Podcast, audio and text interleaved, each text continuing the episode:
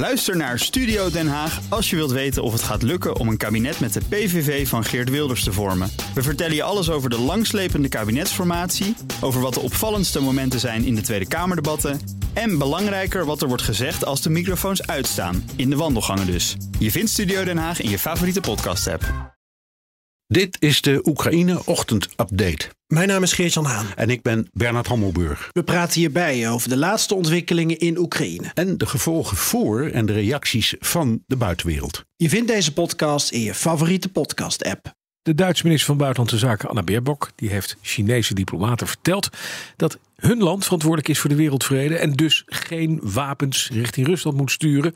En dat is een uitspraak die in het verlengde ligt van Anthony Blinken, de Amerikaanse minister van Buitenlandse Zaken, die gisteren ook al zijn zorg uitsprak over steun van China aan Rusland met wapens. Dit en het laatste nieuws rondom de oorlog in Oekraïne gaan we bespreken met BNR's buitenlandcommentator Bernard Gallenburg. Bernard, goedemorgen. Bas. Ja, die, de uitspraak hè, richting, uh, richting China. Zowel van Beerbok als van Blinken. Ja, en, en, en, en nu ook van Jozef Borrell. Die heeft het, eh, dat, eh, dus de, de EU-buitenlandchef, die Ja. heeft dat verhaal ook herhaald. Ja. Dit is een waarschuwing dus aan het adres van de Chinezen. Ja, eh, eh, er zijn er roept een paar vragen op. In de eerste plaats, wat weten ze? Ja. Want als je nu dus van drie verschillende kanten eh, zo'n verhaal naar buiten brengt, hè, een waarschuwing, ja, waar komt, eh, dan, dan- zou het handig zijn als ze ook laten weten waar ze het over hebben. Eh, dat weten we niet. Dus het kan van alles zijn. Het kan zijn dat die aanwijzingen echt heel solide zijn. En dat het bijvoorbeeld gaat om de levering van munitie, een probleem dat de Oekraïne ook heeft en Rusland ook. Misschien dat de Chinezen bereid zijn om munitie te leveren. Hun argumentatie begrijpen we dan ook als het Westen wapens mag leveren aan Oekraïne. Waarom zouden wij dat niet mogen doen aan onze bondgenoot China? Maar China ontkent tot nu toe, sterker nog, eh, de minister van Buitenlandse Zaken, King Gang, eh, is enorm uitgevallen. Ehm, en eh, die zegt: op deze manier zijn de westerse landen bezig om, dat, om het conflict on- oncontroleerbaar te maken. En ehm, er zijn zekere landen die onzin uitkramen. Zo, zo noemde hij dat. Ja. Eh, dus ze ontkennen het. Eh, en eh, jij en ik en eh, Ivan en de rest van de wereld heeft geen mogelijkheid om het te controleren. Nee, precies. En dat inderdaad komt nu van, van drie kanten. En trouwens, de, de voorganger van, van deze minister van Buitenlandse Zaken, dus de, de oude, de man die een paar maanden geleden werd vervangen, nu de topadviseur op, op buitenlands gebied is. Dus zeg maar de topdiplomaat van China, meneer Wang, Wang Yi, die sprak zaterdag op die conferentie, die vredesconferentie in München. En die komt daar met een heel ander verhaal. Van ja, we moeten zorgen dat er. eh, Dat er eh, die kwam met een soort verhaal. We gaan een vredesvoorstel bespreken. Wat nog voor de verjaardag van de Russische invasie op, eh, op tafel moet gaan liggen. Ja, en er kwam ook net uit, uit eh, eh, Moskou. Hij heeft een ontmoeting gehad met Ja, met- een heleboel mensen op het Kremlin, ook Ja. met Poetin. En ja, dat, dat laat weer zien wat we steeds zien. Is China en eh, Rusland zijn bondgenoten. En eh, China zegt dat ook steeds. Hè. Eh, jullie kunnen van alles roepen. We zijn het wat China, wat, Rusland betreft, eens met de kritiek op de NAVO. Dat is een bedreiging. De, die, die NAVO heeft veel te grote macht. Die is veel te veel opgerukt richting China. Kortom, het verhaal dat we kennen. Maar ze zeggen er steeds bij, maar we zijn moordicus tegen het binnenvallen van een soeverein land. Ja. Eh, en nu is de grote vraag hoe ze dat. We, we- vragen nu al een jaar lang of ze dat in iets concreets willen vertalen. Eh, of bijvoorbeeld zich willen scharen aan, aan aan de kant van, nou ja, ik zal maar zeggen, landen die proberen oplossingen te zoeken. En ze zeggen nu zelf, ja, dat willen we ook.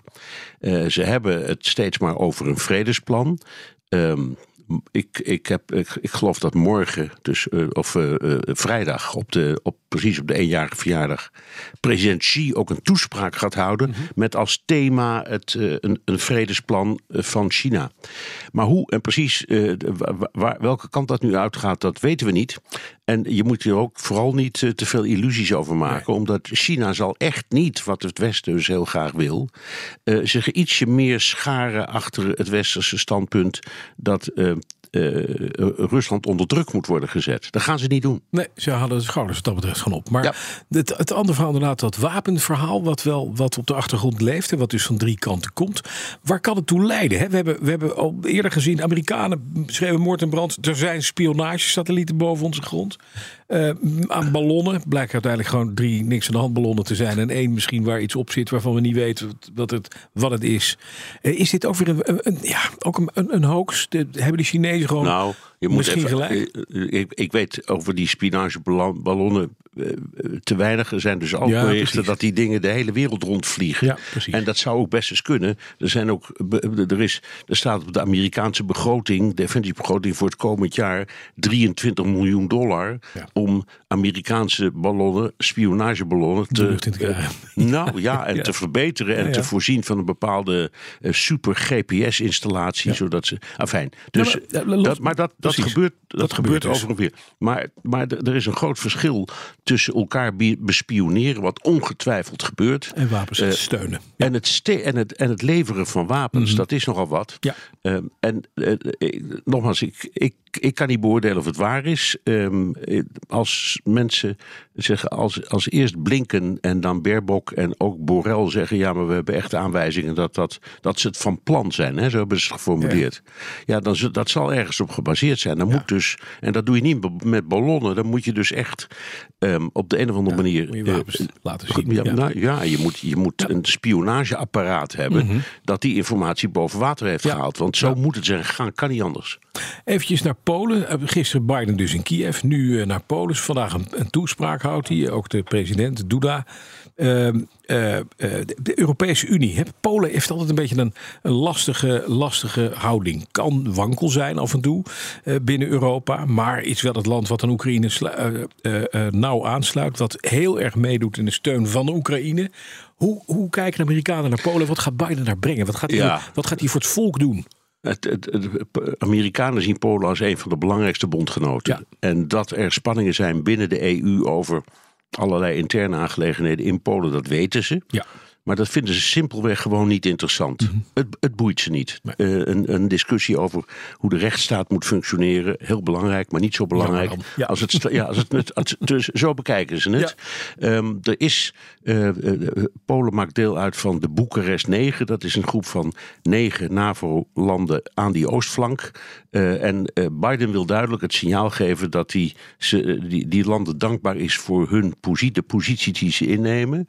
En ook steun toezeggen, op welke manier dan ook. En vergeet niet, hè, Amerika heeft ehm, militaire aanwezigheid in Polen. Er, zit, er, zit, er zit een behoorlijk contingent Amerikaanse soldaten ehm, met raketten en allerlei ehm, eh, apparatuur. Het was een van, de een van de argumenten die Poetin in het verleden voortdurend heeft gebruikt. Als hij het had over de NAVO. Jullie staan in Polen aan onze grens. Dat moet afgelopen zijn. Dat is ook waar. Eh, daar staan ze ook echt. Eh, en, hij wil alleen maar onderstrepen dat hij eh, Polen dankbaar is voor de moedige positie die ze nemen tegenover de Russen.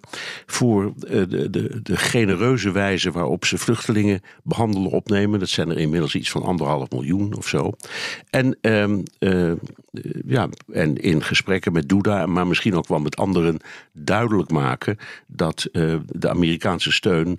ehm, onvoorwaardelijk is. Dat is eigenlijk de formulering die ze eh, steeds maar gebruiken. En ik denk ook dat dat waar is.